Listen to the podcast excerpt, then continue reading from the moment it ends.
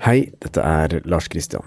Jeg er produsent for Avhørt, og før vi setter i gang med første episode, skal jeg komme med en liten opplysning. Denne serien fra Avhørt ble først publisert på strømmetjenesten Podme i 2022, men den er nå tilgjengelig for alle helt gratis på alle åpne podkastplattformer. Hvis du vil høre eksklusive serier ett og et halvt år før alle andre, kan du finne disse på Podme ved å gå inn på podmy.no eller laste ned Podmy-appen. Sånn, det var det jeg hadde å si. Nå setter vi i gang med Honningfella.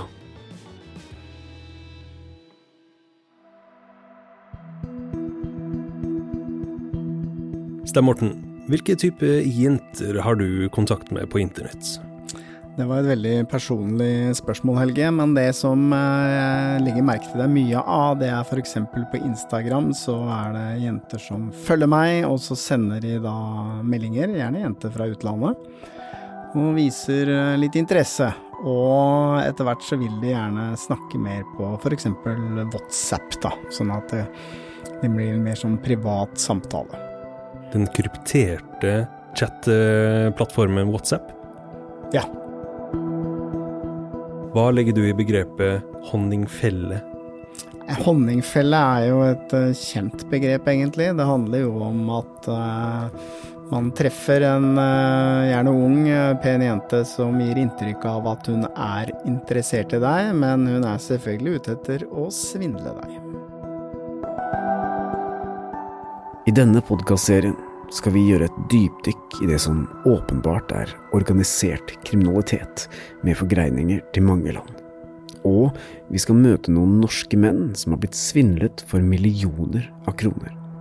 Dette er Honningfella, en podkastserie i seks deler fra Avhørt, del én.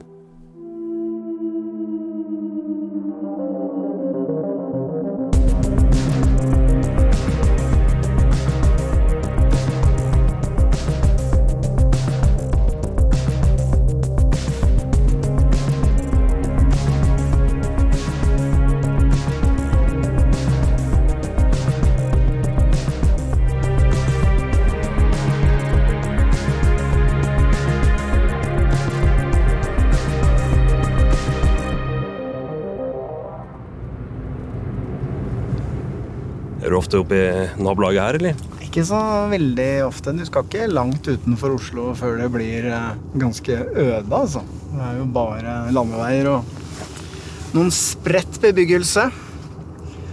Men eh, han bor jo visstnok her oppe i en campingvogn, Helge. Men det er klart, det er jo eh, et trist bakteppe her, da. Han bor jo ikke i campingvogn fordi han syns at det er veldig gøy. Det er jo fordi at han har gått på denne svindelen som jeg har blitt forsøkt utsatt for, som jeg vi for så vidt skjønte ganske kjapt bare var en svindel. Men, eh, men det gjorde ikke han, da. Han trodde at det var Seriøst. Eh, høyre, høyre her, høyre. eh, seriøst. Ok, nå kjører vi faktisk av asfalten. Nå er vi inne på grusvei. Vi skal møte Jon, som eh, har tapt en ganske stor eh, sum penger etter at han kom i kontakt med en dame på internett. Han matcha på Tinder. Og det var ikke så lurt i det tilfellet her.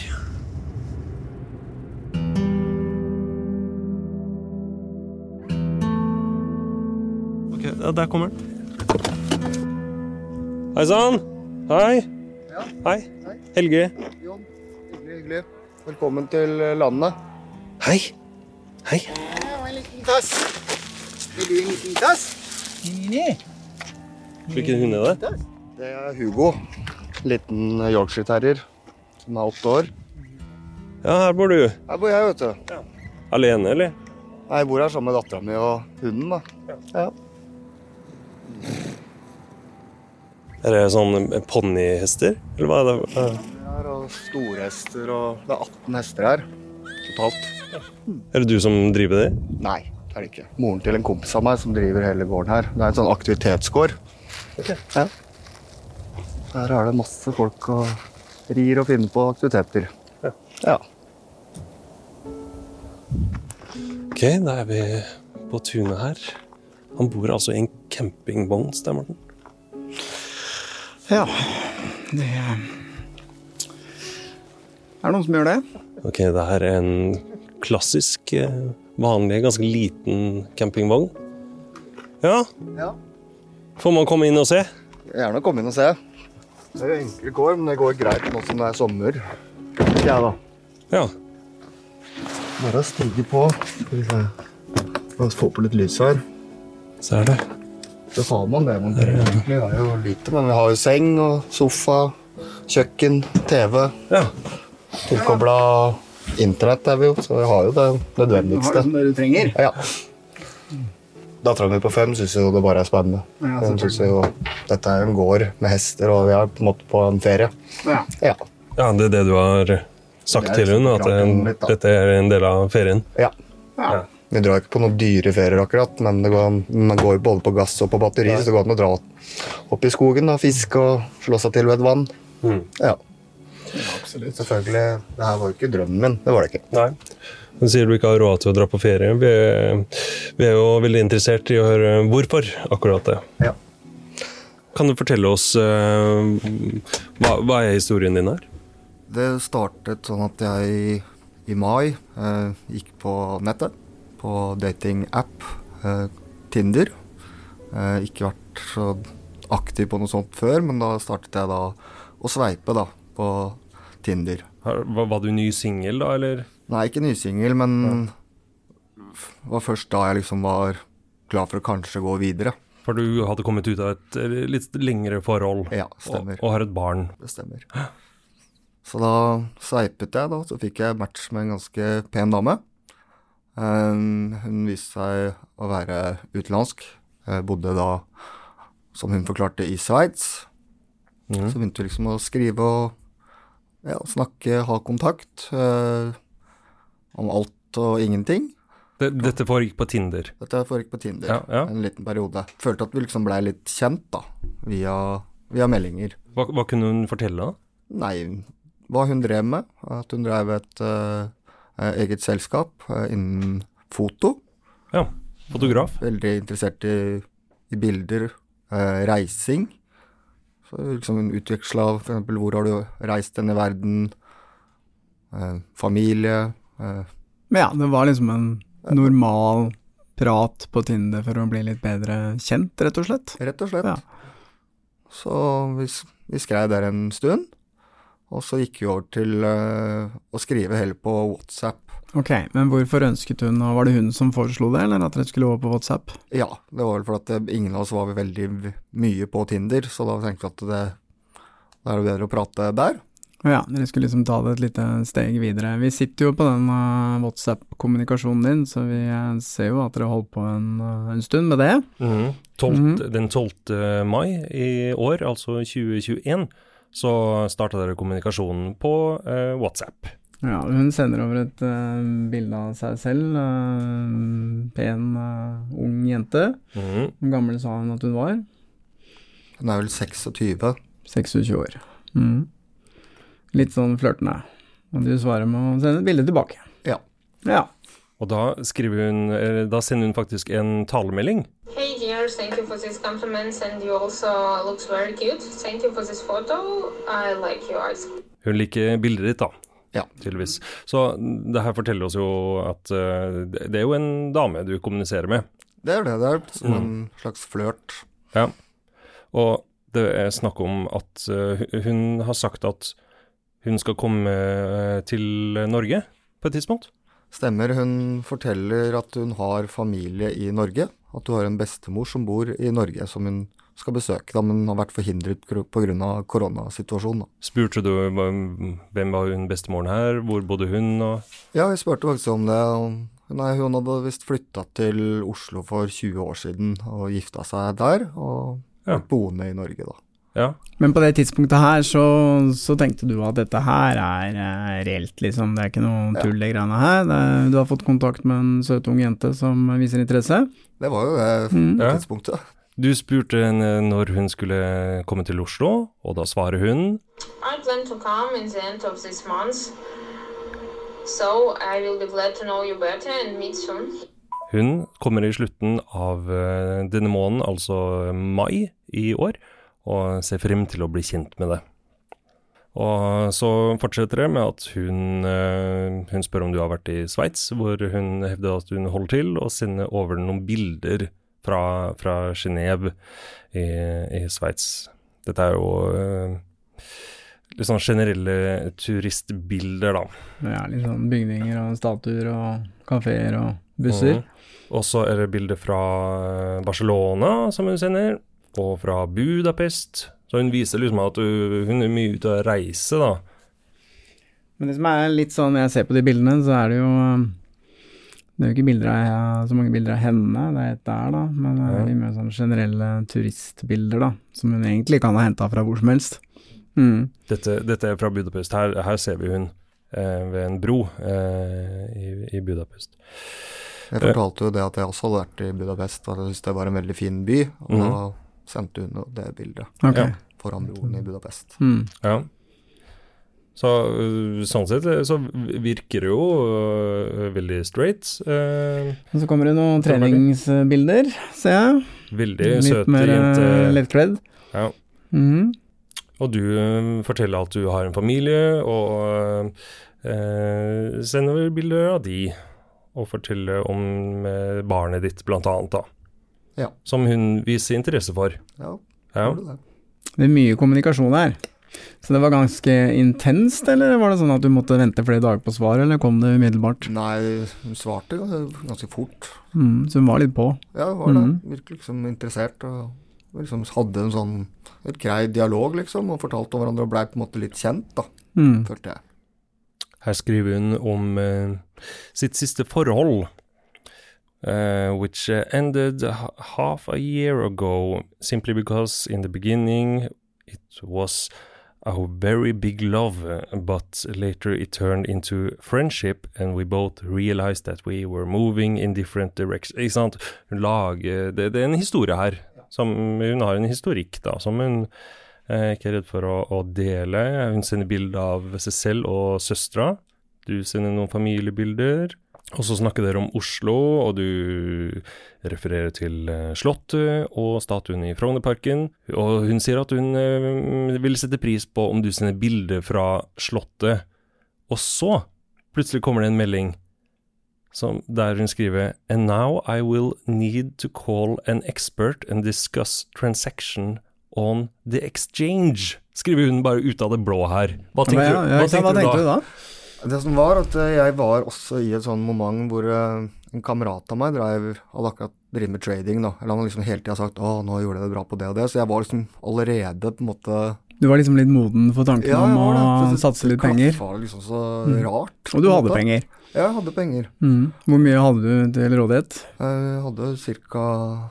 550 000. Da. Hvorfor det? 550 000. Jeg hadde solgt min leilighet Ja. og flytta på landet sammen med min datter. For det, hun er liksom i en alder hvor jeg føler at hun trenger litt mer boltringsplass. da. Mm. Og hester og Det hørtes idyllisk ut. Så, så jeg solgte rett og slett leiligheten min og flytta ut dit. Og satte ned pengene på konto og lurte på hvordan jeg skulle forvalte de bra, da.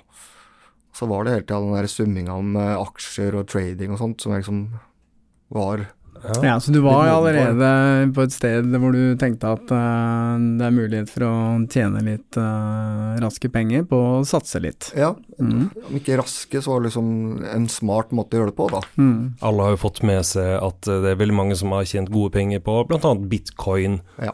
Jeg var jo først på den eToro-appen, så jeg var på en måte allerede inne og drev og trada litt. Ja. Så derfor var jeg kanskje Men, men hva tenkte du? Dere har til nå hatt en litt sånn flørtende, bli bedre kjent-samtale, masse bilder, reisebilder, familie.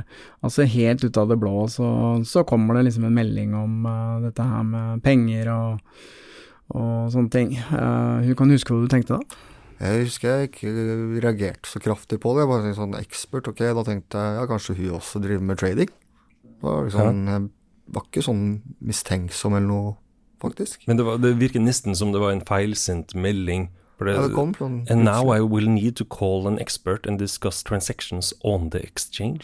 Akkurat som hun kasta ut en krok med mark, og jeg bare beit på. Og plutselig nå så dreier samtalen seg om penger, er det så? La oss understreke, det, det har gått to dager. Det gått Nå, to nå, er- dager. nå er det 14. 14. mai, Mm. så Det gikk fort. Den var ganske kjapp. ja, Mm. Så det var jo ikke det du egentlig hadde tenkt å møte hun for, Nei, og prate om investeringer? nei, Du så en søt jente på, på Tinder, du. absolutt. Men så var liksom Jeg var på en måte også i det samme greia, så jeg var jo på en måte åpen for det, på en måte. Men var det litt sånn også at eh, pen jente eh, Man ønsker kanskje også å please litt og være litt med på, på spillet, eller hvordan tenkte du? Det er jo helt naturlig, det. eh. Jeg tenkte vel ikke sånn Reflekterte vel ikke så mye på det akkurat. Nei. Jeg bare liksom Ok, bare spurte. Jeg hadde jo ikke gjort noe mer akkurat da eh, enn å investere på egen hånd på Netor-appen, og så hun forteller om sine erfaringer, så kanskje jeg ble litt nysgjerrig. Ok, hvordan tjener du penger, da? Mm. For du så at det her var en person som eh, hadde råd til å reise jorda rundt, Ja, og hun tok bilde med en sånn utstillingshest. Det ser ut som en dame som har eh, som økonomien i orden. Ja, Det virka som hun hadde peiling på det, da, så det var kanskje derfor jeg også ble litt sånn nysgjerrig. I og med at jeg var akkurat i den modusen hvor jeg Hva skal jeg gjøre med de pengene jeg hadde? For å De brant i Ja, det brant ikke, men jeg ville investere det på en smart måte, da. Ja. Mm. Så hun tilbyr seg å, å hjelpe deg med investeringen, er det sånn? Det er akkurat der hun liksom setter inn de riktige stikkene for at sikkert jeg skal bli ja. Mm. interessert i hvordan hun får det til, da. Mm.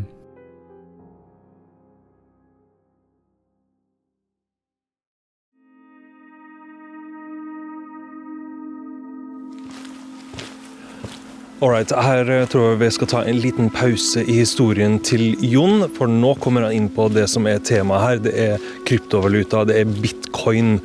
Og eh, det har jo vi for så vidt eh, noe erfaring med, Stein Morten. Ja, ikke veldig mye. Vi har kjøpt bitcoin begge to. Jeg kjøpte jo eh, ikke for veldig mye, 1000 kroner kanskje, men da jeg prøvde å få pengene ut igjen, så fikk jeg det absolutt ikke til. Vi, vi investerte jo i dette her på omtrent samme tidspunkt, og i 2017. Og bitcoin var jo veldig på vei oppover. Og, og, men plutselig dalte den like før eh, julaften i 2017.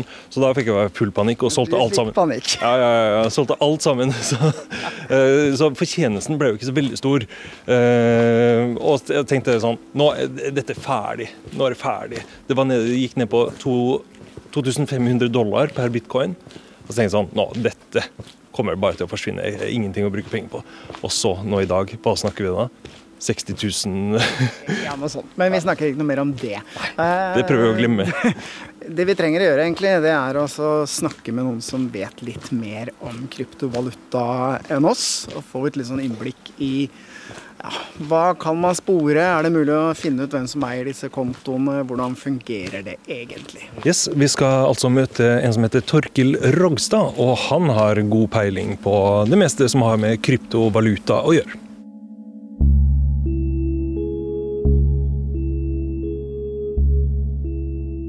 For oss som ikke er så vel bevandret i kryptoverden, kan ikke du bare forklare hva bitcoin er for noe? Bitcoin er penger som kun eksisterer på internett, og hvor det ikke finnes noen mellommenn. Det finnes ingen banker som kontrollerer eller styrer systemet, og det finnes ingen stater som kontrollerer eller styrer systemet. Så det er penger jeg kan sende direkte fra meg til deg, uten at, uh, uten at noen kommer og blander seg inn. Det er et helt åpent eh, og fritt finansielt system som alle kan delta i, og som alle kan eh, stille på like vilkår i. Eh, og det er en ganske vakker tanke. Og så er jo da dessverre noe av ulempen da, med et helt åpent og fritt system, er jo også at det gjør det jo enklere normalt for svindlere å benytte seg av systemet. Så den åpenheten og den friheten den kommer både med oppside og med nedside. Um, så får man jo håpe at oppsiden er større enn nedsiden. Ja, fordi at tankegangen her er at det ikke skal være noen banker eller stater eller noen som har noe som helst overoppsyn. Det skal på mange måter bare være en transaksjon mellom deg og meg, som ingen kan eh, kontrollere. Og det er helt anonymt, er det så? Anonymt er å ta i. Det er det vi kaller pseudonymt. Så du har på en måte en bitcoin-identitet som eksisterer i bitcoin-universet. Og du kan spore transaksjoner og, og overføringer mellom disse bitcoin-identitetene. Men det å koble disse bitcoin-identitetene til det virkelige liv, det kan være en utfordring. Det, det kan la seg gjøre i noen tilfeller, men i utgangspunktet er det en utfordring. Okay. Så det er, eh, eh, Bitcoin har anonyme elementer uten å være, uten å være helt anonymt. Men nå når du sier at det er penger som eksisterer på internett, så det er jo litt sånn uh, rar tanke, fordi vi er liksom vant til at uh, penger det er noe vi kan holde i hånda, og, og det er sedler og ok, vi bruker kort og alle de tingene der, men vi kan liksom gå i minibanken og ta ut, uh, ut penger. Men dette er Hvor kommer disse bitcoinene fra? De ramler vel ikke bare ned fra himmelen? Ja, de ramler ikke ned fra himmelen. Det, men bare for å kjapt ta dette her med fysiske sedler og mynter og sånn, da. Det er jo Nordmenn bruker jo nesten ikke cash lenger. I hvert fall og etter, etter covid ikke sant, så har cash nesten blitt helt, uh, helt borte. Jeg, jeg, husker jo ikke sjøl når jeg brukte cash. Så, så, pengene mine eksisterer jo kun på internett, de også. Jeg har kanskje en femtilapp liggende i en krukke hjemme, men altså, det er noen pantepenger eller hva det er, men, men, det er jo ingenting. Det er jo bare tall på datamaskinen til banken og tall på datamaskinen til Norges Bank og Finansdepartementet og hva, det skal være. Um, og sånn som det er, dette med det er digitalt, er jo ikke så unikt. Det er kanskje heller dette at det ikke er noen bank eller noe finansdepartement eller Norges Bank eller, eller hva det skal være. Men hvor disse pengene kommer fra, det er um, det er eh, bitcoin-nettverket. Det produserer hvert tiende minutt så produserer det nye bitcoin. I henhold til en eh, strengt definert eh, produksjonsplan. Du kan vite nøyaktig til enhver tid hvor mye bitcoin som finnes. Og så kan du vite at du kan også vite når det er stopp, og når det er, når det er, slutt. Det kommer til å finnes maksimalt 21 millioner bitcoin. Det kan du vite. Det kan du ikke med krona. Da kan Norges Bank lage så mange kroner de bare vil, uten at du kan uh, gjøre noe med det. Men um, det er da bitcoin-nettverket som produserer disse bitcoinene i henhold til noen strengt definerte regler hvert tiende minutt. Um, og de menneskene som deltar i den produksjonen, de, de bruker strøm, og de bruker avanserte datamaskiner uh, i den virkelige verden. Og så i bytte så får de bitcoin. Um, og nettopp fordi de følger alle disse strengt definerte reglene for hvordan den produksjonen skal foregå, så kan alle som sitter og følger med. De kan følge med og se at alle reglene følges, og at ingen lager noe mer bitcoin enn det de egentlig skal. Man har jo sett uh, i media fra som, uh, noen reportasjer der man uh, har sånne digre kjellere der står masse datamaskiner og står og, og graver ut, miner frem bitcoin. Men er det god butikk? Det, det, kommer veldig an på hvor billig strøm du får. Det kommer veldig an på hvordan du får tak i disse maskinene dine. Eh, hvis du har billig strøm, så kan det være veldig god butikk. Så det er en del folk som har holdt på en del i Norge, fordi vi har både billig og Vi hadde billig strøm inntil for veldig nylig siden, men relativt billig strøm og, og også grønn energi. da. Ja. Eh, så det kan være en ganske god butikk. En annen ting som media fokuserer på, er jo kursen. Man har jo sett eh, at den går jo som en jojo opp og ned. Man så i 2017 at kursen gikk eh, solid oppover, men så kom det plutselig et stort fall ned. Mm. Er dette en sikker investering? Bitcoin er Man kan jo kanskje tenke at bitcoin er en boble, men bitcoin er en boble som skiller seg fra alle andre bobler noensinne. Fordi alle andre finansielle bobler de, de, eh, eh, de starter smått, og så stiger de, og så er det eufori og mani, og så sprekker de. Og så er de borte. Så kommer de ikke tilbake. Man snakker liksom disse tulipanløkene i Nederland på 1600-tallet. Det skjedde bare én gang. Det var ikke noen boble nummer to. Det var ikke noen tulipan, eh, tulipanløk Electric Boogaloo 2. Men, men, det man ser med bitcoin, er at du har hatt du hadde en boble i 2017. Du hadde en boble i 2013. Du hadde faktisk to bobler i 2013, både, på, både, på, både tidlig i 2013 og seinere i 2013. Og Før det hadde du også en liten boble i 2011. Og så er vi kanskje inne i en boble nå også i 2020-2021. Så, så, så, det man ser med bitcoin, er at uh, dette her skjer gjentatte ganger. Og hver eneste gang uh, vi har en sånn boble, så er den enda større. Toppnoteringa i 2017 var jo da oppunder 20 000 dollar. Akkurat nå så er bitcoin-kursen oppunder 60 000 dollar. Og i 2013 så har bitcoin-kursen på 1300 dollar. Så det er på en måte en, en utvikling her. da. Og, og, hva er grunnen til det? Hvis du spør meg, så er jo det fordi millioner av mennesker i verden over ser nytteverdien av et helt åpent og fritt finansielt system. Um, og så på veien mot et åpent og fritt finansielt system som inkluderer alle, så er det på en måte en prosess da, å få millioner av mennesker om bord i dette finansielle systemet. Ja. På veien dit så kanskje vi trenger en boble eller to. For Det er jo sånn tidvis at folk får panikk, da. Og bare mm. begynne å, å, selge unna? Ja, altså hvis du, hvis du, kjøpte på toppen i 2017, og så satt du og holdt på i et år, og så så du at faen, jeg har tapt 85 mm. og så selger du, så er det selvfølgelig bittert og kjipt. Men hvis du hadde kjøpt på toppen i 2017 og sittet helt stille i båten frem mm. til nå, så hadde du nesten tredobla pengene dine. Ja. Så eh, det er jo det jeg prøver å si til folk som snuser på å kjøpe bitcoin, er jo at du må ha et langt perspektiv på det, må tenke mange år fremover og sitte stille i båten. Og må du ikke, liksom bli, ikke bli stressa hvis det er litt action eh, på veien dit. Det er litt sånn derre Sett av noe penger, ta gjerne og kjøp liksom Litt som du kjøper fond. da, ikke sant? At du kjøper kanskje Hver gang lønna kommer, så er det trekk på 1000 kroner. ikke sant? Og så tar du dette her over tid og har litt is i magen. Og så prøv ikke ikke sjekk den kursen hele tida. For da blir du bare stressa hvis du ser at det går nedover. Kan du, kan du fortelle hvordan det foregår når man overfører bitcoin? Bitcoin er da pseudonymt. ikke sant? Du har en, en, en, en identitet i bitcoin-universet. Um, det er det vi kaller for bitcoin-adresser. De er, eh, de, de er sammenlignbare med kontonummeret i, eh, i nettbanken din. Uh, så med disse bitcoin-adressene så kan du jeg kan sende penger til din bitcoin-adresse, og du kan sende penger til min bitcoin-adresse. Så kan jeg senere sende pengene videre. Men det står ikke mitt navn på det, min bitcoin-adresse? Nei. Den bitcoin-adressen er en sånn uh, lang, gudforjammerlig serie med tall og bokstaver. Mm. Uh, med ikke sant, at det er kanskje 40-50 tall og bokstaver etter hverandre det som ser ut som bare uh, støy. Ja. um, det ser ut som han har tasta gått amok på tastaturet. Ja, ikke sant. Det ser ikke ut som det er noe, noe logikk i det hele tatt. Ja, så det er ikke noe vir virkelig navn der. Um, og så har du gjerne mange av disse bitcoin-adressene. da. Uh, fordi forskjellen fra sånn kontonummer er at uh, du har ett kontonummer som du bruker mange ganger. Det er altså Lønnskontoen din er det samme kontonummeret hele veien. Men disse bitcoin-adressene uh, de, de, får du nye av for hver gang. Så man, denne for applikasjonen på telefonen din da, genererer en ny bitcoin-adresse hver gang du skal motta penger. Uh, man har disse bitcoin-adressene som på en måte eksisterer og er klumpa sammen til samme, virkelige, uh, samme person i virkeligheten.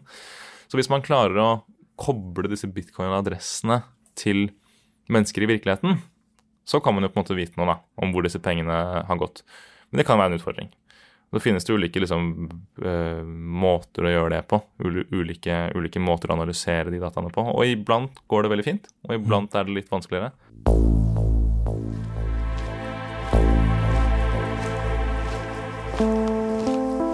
Ja, dette var jo veldig interessant, eh, Helge. Vi lærte en del uh, nå. Jeg tror vi skal snakke mer med kryptoeksperten senere, men nå skal vi høre mer om hva som skjedde med Jon. Hun forteller altså til det at hun har fått hjelp til å investere penger via en ekspert. Hva kunne hun fortelle om denne eksperten? At det var ektemannen til søsteren. Og de var gift og var bosatt i Nederland. Ja. Mm. Hva heter han? Ja, han heter Kasper Teras. Som også okay. Sjekket du nærmere hvem han er? Gjorde du noe Google-søk? Prøvde du å finne ut noe om han? Det gjorde jeg. Eh, jeg fant jo ikke så mye om han, egentlig. Jeg fant en LinkedIn-profil eh, hvor det, jeg fant en fyr som var da eh, analytiker av økonomi og jobba for en bank i Nederland. Så da tenkte du at, at det var liksom seriøst? Jeg tenkte egentlig ikke så mye over det, for jeg tenkte bare ok, jeg skal ta den samtalen med han, og så bare høre hva han har å si. Ja, Hva var det han hadde å si? Nei, han introduserte seg selv og fortalte da hva han dreiv med, osv. Jobba i bank og hadde ti års erfaring innafor ja, økonomi. Fortalte meg sånn kort om trading, hva han kunne bidra med. Mm -hmm. eh, hva, hva, slags pris han tok, at han eventuelt tok 20% av eventuell gevinst. Eh, fortalte meg litt om kryptovaluta. Som fortalte meg litt om markedet, da. Og så sendte han meg en link til en, eh, til en side, en plattform, som jeg kunne eventuelt registrere meg på, da. Og, og hvordan så den eh, plattformen ut? For meg så så den ekte ut. Ja. Det gjorde det. Den var liksom satt opp, og jeg så Jeg visste jo ikke helt hva jeg skulle se etter, i og med at jeg ikke var så erfaren på sånne plattformer. Men eh, du må jo opprette en profil der for å liksom komme inn på selve plattformen. Først kommer du til en hjemmeside hvor de har logoen sin, og de har informasjon om seg selv, hva slags type kontoer de har. Eh, de har også lisenser, eh, som jeg ikke sjekka noe videre, men det står liksom at de har, hadde lisenser fra der og der, så det var en mm. godkjent plattform. Ellers så hadde de jo litt skryting av seg sjøl, at de hadde vunnet awards osv. Ja, vi ser jo på den nettsida her nå, det ser jo eh, veldig proft ut. Um, og det, ja, det er jo litt sånn skrytete som du sier, men fremstår som en eh, investeringsside. Ja. Og så registrerer du det. Måtte du dokumentere hvem du var på noe vis? Ikke der og da. Um, Du registrerer deg og lager deg et Eller registrerer e-posten din, lager deg et passord og, og adresse og sånne ting. Du må ikke dokumentere noe ID og sånt der og da, men men da har du på en måte registrert deg og kommer inn på en annen type side som liksom er tradingplattformen, med grafer og hvor du kan liksom investere på disse ulike selskapene og metaller og krypto. Mm. Ja, og den ser jo også veldig ekte ut. Og Der kan du se disse forskjellige aksjene eller kryptoene i realtid. Ja. Eh, Så hvis bitcoin f.eks. gikk opp, så ville det synes der. Men kan ikke du bare fortelle litt om Ok, du er eh, inne på denne sida, alt ser eh, seriøst ut, du har snakket med denne bankmannen i Nederland, eh, så du begynner nå å tro at dette er eh, ordentlige greier. Kan ikke du fortelle hva som skjedde videre? Jo, det som skjer det er at vi sitter sammen på en måte, og åpner opp den kontoen. Og så geleider han meg videre hvordan jeg skal overføre fra min bank til en eh, regulert vekslingsbørs, som da var Binance. Eh, vi satte inn penger til, da. Binance var det. Binance er en vekslingsbørs hvor du setter inn fra f.eks. en norsk bank for å så veksle om til bitcoin, da. Mm. Så veksler du om der, og, og så sender du videre da til en elektronisk lommebok som skal tilhøre da denne tradingplattformen. Og det gjør vi da. Jeg setter over første gangen så setter jeg over 10 000 kroner. Mm. Og etter no- noen minutter så syntes pengene mine inne på plattformen. Så jeg trodde jo da at det var mine penger som sto da inne på den plattformen. Så hadde du han på røret da? Eh, ja, Ja. hadde vi prata over Skype. Og det, dette var altså det som skulle være mannen til søsteren til eh, hun jenta du møtte? Ja. Altså dere var på Skype med bilde og video alt sammen? Eh, ikke med bilde, Ok, bare, bare lyd. bare lyd. Ja. Mm. Hvordan, hvordan uh, prata han, hvordan hørtes han ut da? Nei, han f- kunne snakke godt engelsk. Prata Mm. bra for seg, virka som han hadde peiling på det han dreiv med. Mm. Uh, så var det sånn step by step, sett opp hvordan overføre, hvordan veksle om. Liksom for å lære meg det, på en måte, da. Men, men følte du at han forsøkte å prate det veldig inn i det, eller var det, var det sånn Følte du noe tvang på noe tidspunkt? Nei, Nei. jeg følte ikke noe særlig tvang. Han fortalte liksom ryddig og rolig Ja. liksom mulighetene. Så sa jeg det at jeg har ikke lyst til å sette inn mye penger i det her, liksom. Men jeg har lyst til å forsøke det og se om det fungerer. Var han sånn kameratslig, eller Ja. var han mer proff? God blanding. Mhm. Mest sånn seriøs proff. Men du fikk tillit til han da? Jo, jeg satt jo over penger, så jeg hadde på en måte en tillit. Ja. Men på noe som helst tidspunkt, når du snakket med den fyren som da skulle være svogeren til hun jenta som du snakket om eh, hun jenta som du hadde hatt kontakt med? Ja, jeg tok også liksom tok en stikkprøve på liksom, ja, hvordan kjenner du henne? Ja. Husker jeg spurte han om, og da fortalte han at han da var ektemann til søstera. Okay. Ja. Og da fikk du bekreftelsen Da fikk jeg på en måte en bekreftelse, ja.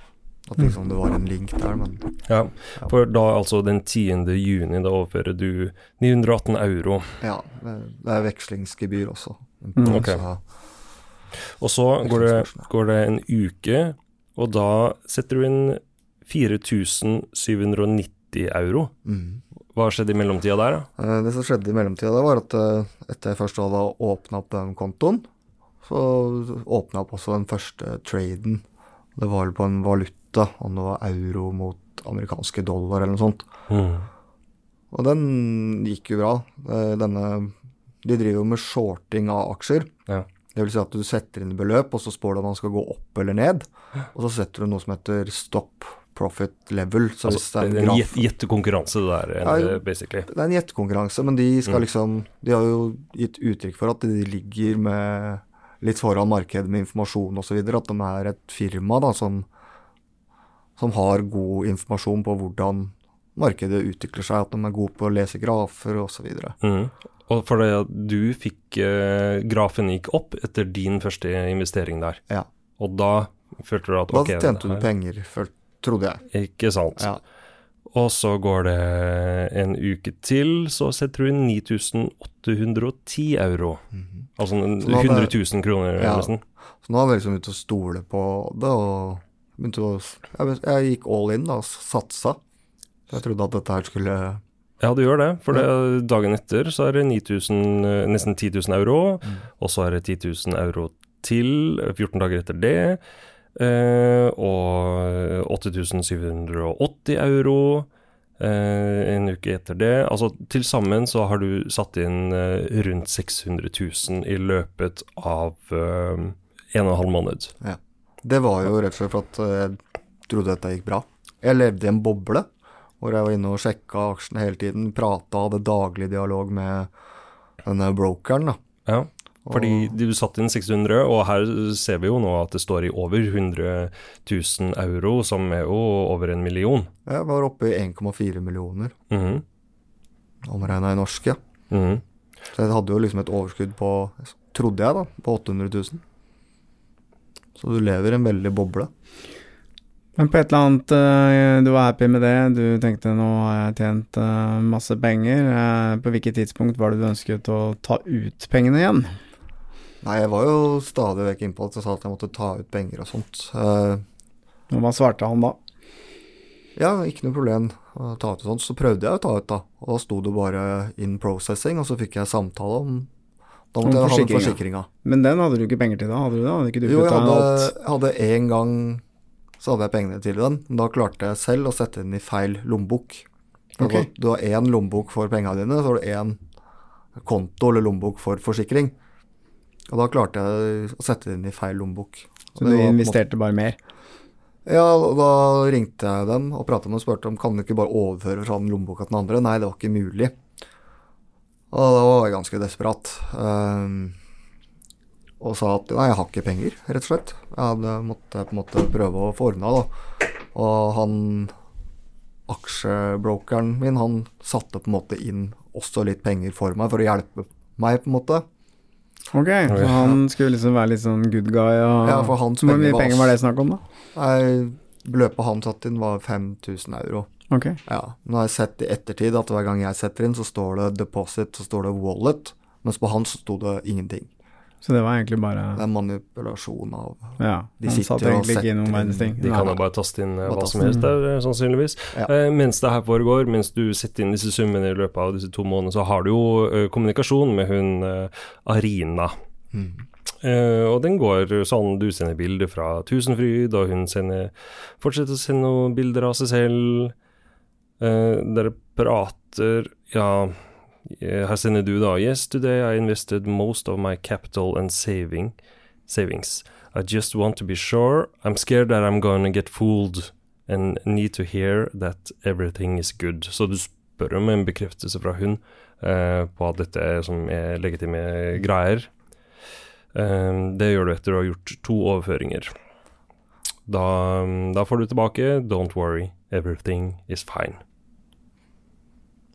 Du skal ikke bekymre deg. Dette her kommer til å gå eh, kjempebra. Ja, jeg hadde på det liksom alltid i bakhodet en slags redsel, da. Mhm. Å bli lurt. Og spesielt da det begynte å bli så mye penger jeg hadde inne der.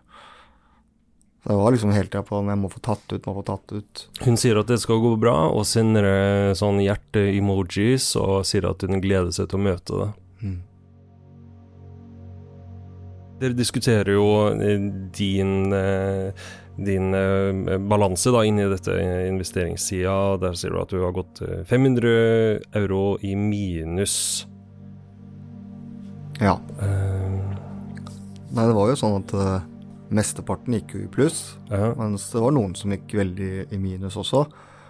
For det, innpå der har du noe som heter leverage. Det vil si at man ganger opp beløpet. Det er på en måte Går det i pluss, så går det jo veldig mye i pluss. Går det i minus, går det fort veldig mye i minus. Så det er veldig store utslag da på grafene hvis du har høy leverage.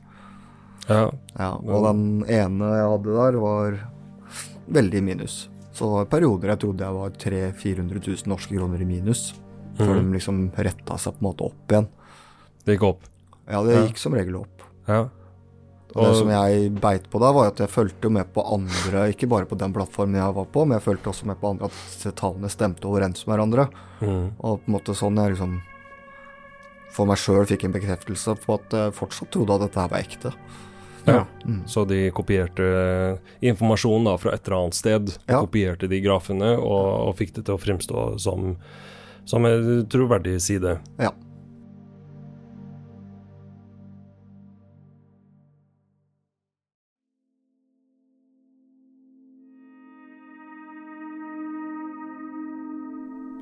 Sjette juli så begynner du å stille spørsmålstegn, for da går det litt tid. Da, har du, da, da er hun ikke så ivrig på kontakten lenger.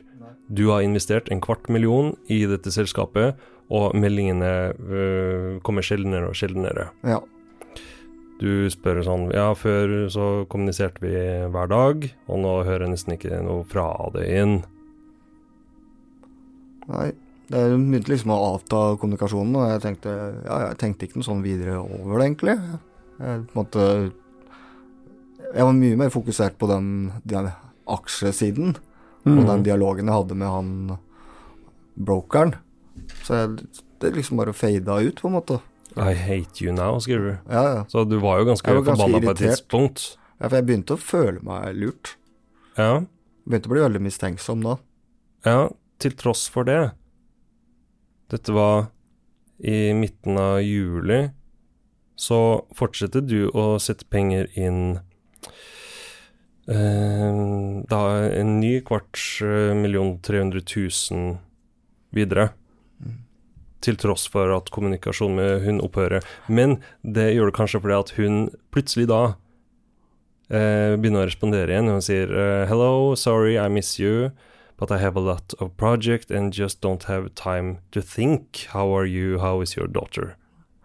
Det er nok ikke henne av henne jeg setter inn pengene, det er nok hele den dialogen jeg har med han brokeren. Mm. Og på slutten der, den siste biten her, var rett og slett den forsikringsbiten. Det at jeg satte inn feil, og at de må sette inn riktig osv. Det gikk jo 200 000 kroner nesten bare der. Mm. Det var nok ikke så mye på grunn av henne da. Det var mer den daglige dialogen jeg hadde med han aksjemegleren. Ja, for uh, du svarer på disse meldingene her, men så kommer det ikke noe mer fra hun. Og da eh, investerer du flere penger, og så kommer det altså siste meldingen i denne WhatsApp-dialogen. Den kommer fra det. Der spør du Was this all just a scam? I can't withdraw money, and I lost everything. Og det var da rett etter at jeg hadde liksom ordna alt med forsikring inn på plattformen der. Jeg hadde penger jeg gleda meg til å ta ut, osv. Og, så og det står bare 'in processing'. Så begynner jeg liksom Da går det virkelig opp for meg at uh, det her er bare lureri. Mm. For da får jeg ikke tak i han aksjemeglerne mer. Han slutter å svare. Ja, han svarer en dag, eh, for jeg ringer han et par ganger på morgenen, så sier han Sorry, John, it's a problem with the server here, I have to go, og så videre. Og sier at den skal ringe meg tilbake. Så går det et par timer, og så bare Da begynner jeg liksom å ringe flere ganger på rad, og skjønner til slutt at den bare har blokkert nummeret mitt for innkomne samtaler på hans telefon, da. Ja. Så da er de fornøyd med å ha pressa ut eh, 600 000 av Jon. For du har jo sagt at du har jo ikke noe mer penger. Nei, jeg har ikke mer å gå på. Nei. Så da er de liksom happy. Da har de uh, tatt de penga de kunne. Ja. Så du ble blokkert av han megleren. Eh, Arina sluttet å kommunisere med deg på eh, WhatsApp. Hør, Ja. hører ikke noe mer fra noen av de. Nei. Men kan ikke du bare prøve å fortelle litt uh, hva du tenkte, og hvordan du opplevde det da du omsider fant ut at du egentlig bare har blitt lurt hele veien? Nei, da ble jeg fysisk dårlig. Uh, ble kvalm, rett og slett. Uh, nei, hele verden min gikk litt i knus da. Eh, nei, jeg begynte rett og slett å slite med å sove, slite med å spise. eh, ble sykemeldt fra jobb. Deprimert? ja, deprimert. Skikkelig, ja. For de pengene du har investert, det er jo ikke sånn du bare har masse penger til overs. Du har gjort nei. et uh, leilighetssalg, Ja. har en helt vanlig jobb med vanlig inntekt, Mm. men endte opp med å, med å, å bruke penger på det her. Ja, rett og slett kaste alle pengene ut av vinduet på noe jeg trodde jeg skulle tjene penger på. Mm.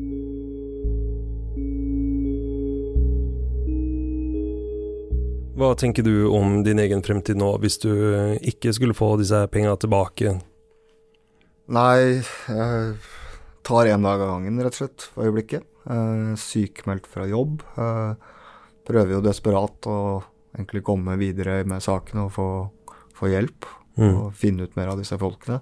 Økonomisk sett så greier meg jo, eh, det er ikke det, men det å at jeg ikke har de pengene som jeg satt med overskuddet på, som jeg egentlig skulle bruke til ny leilighet osv. etter hvert, det, det, det, er veldig, veldig slitsomt og vondt. Men noe, på noe som helst tidspunkt uh, tok banken din kontakt med deg og varsla noe, satte noe røde flagg eller lurte på hva du drev med? Nei, det gjør det ikke. Nei. Det, pengene gikk jo til disse regulerte vekslingsbørsene først. Og der kan du også på en måte egentlig trade, så jeg skulle beholdt meg der og sagt at hadde jeg visst det jeg veit i dag, da kunne jeg bare sagt ja, du kan gjerne være rådgiveren min, da skal jeg ha pengene inn på denne plattformen. Så jeg skulle vært mye mer kritisk til plattformen deres. Mm. Det fins jo Og hadde jeg kunnet mer om det og lest mer og undersøkt før jeg startet, så hadde jeg nok kanskje ikke sittet i den situasjonen her i dag. Nei, du var jo akkurat på det tidspunktet nærmest en sånn perfekt offer, så man kan jo kanskje stille seg spørsmål ved om de visste noe om deg på forhånd, at det ikke bare var eh, tilfeldigheter. For det virker litt sånn rart at det var liksom helt tilfeldig. Men eh, hvordan, eh, når du var på Tinder og så, så denne jenta, du sveipa på henne først, eller hvordan var det?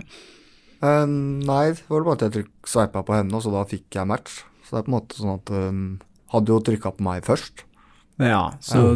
det var på mange måter hun som da tok initiativet. Ja, men jeg ja. tipper at hun trykker sånn på alle ja. for å komme i kontakt. Ja, nei, men Det som er interessant her, er jo, er jo Var dette rene tilfeldigheter? Var det sånn at de de det bare flaks at de traff deg på rette tidspunkt, og at du hadde de pengene tilgjengelig? Eller skal man tenke at de faktisk er så proffe at de eh, hadde kartlagt litt på forhånd og, og funnet deg, og hun hadde matcha deg, og venta egentlig bare på at du skulle bite på det agnet, da. Det er jo en interessant eh, et interessant mm. spørsmål.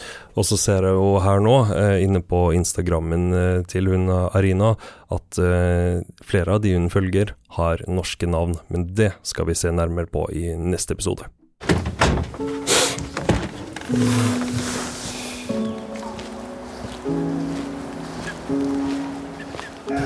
er litt av en historie vi har hørt her, Stein Morten. Ja, det er jo bare en tragedie.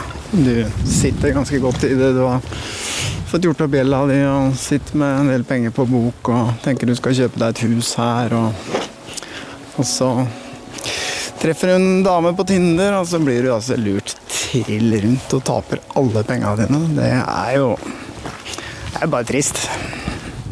Jeg tror vi nå må se nærmere på denne Instagram-profilen til eh, denne Arina, som har lurt Jon til å investere alle pengene sine. Og vi skal se på flere av disse andre mennene som òg har gått i honningfella.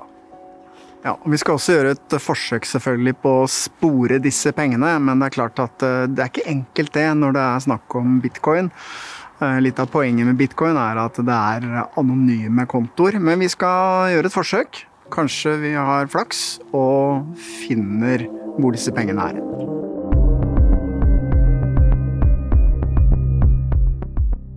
Honningfella er en produksjon av Batong Media.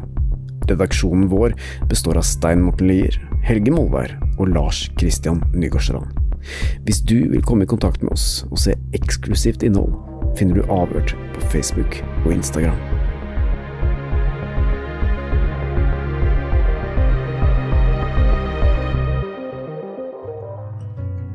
Hvis du setter pris på Avhørt og syns at den jobben vi gjør er viktig, så kan du støtte oss ved å vippse til 807599 99, eller søke opp Batong Media i vips appen Og vi setter stor pris på alle bidrag, store og små.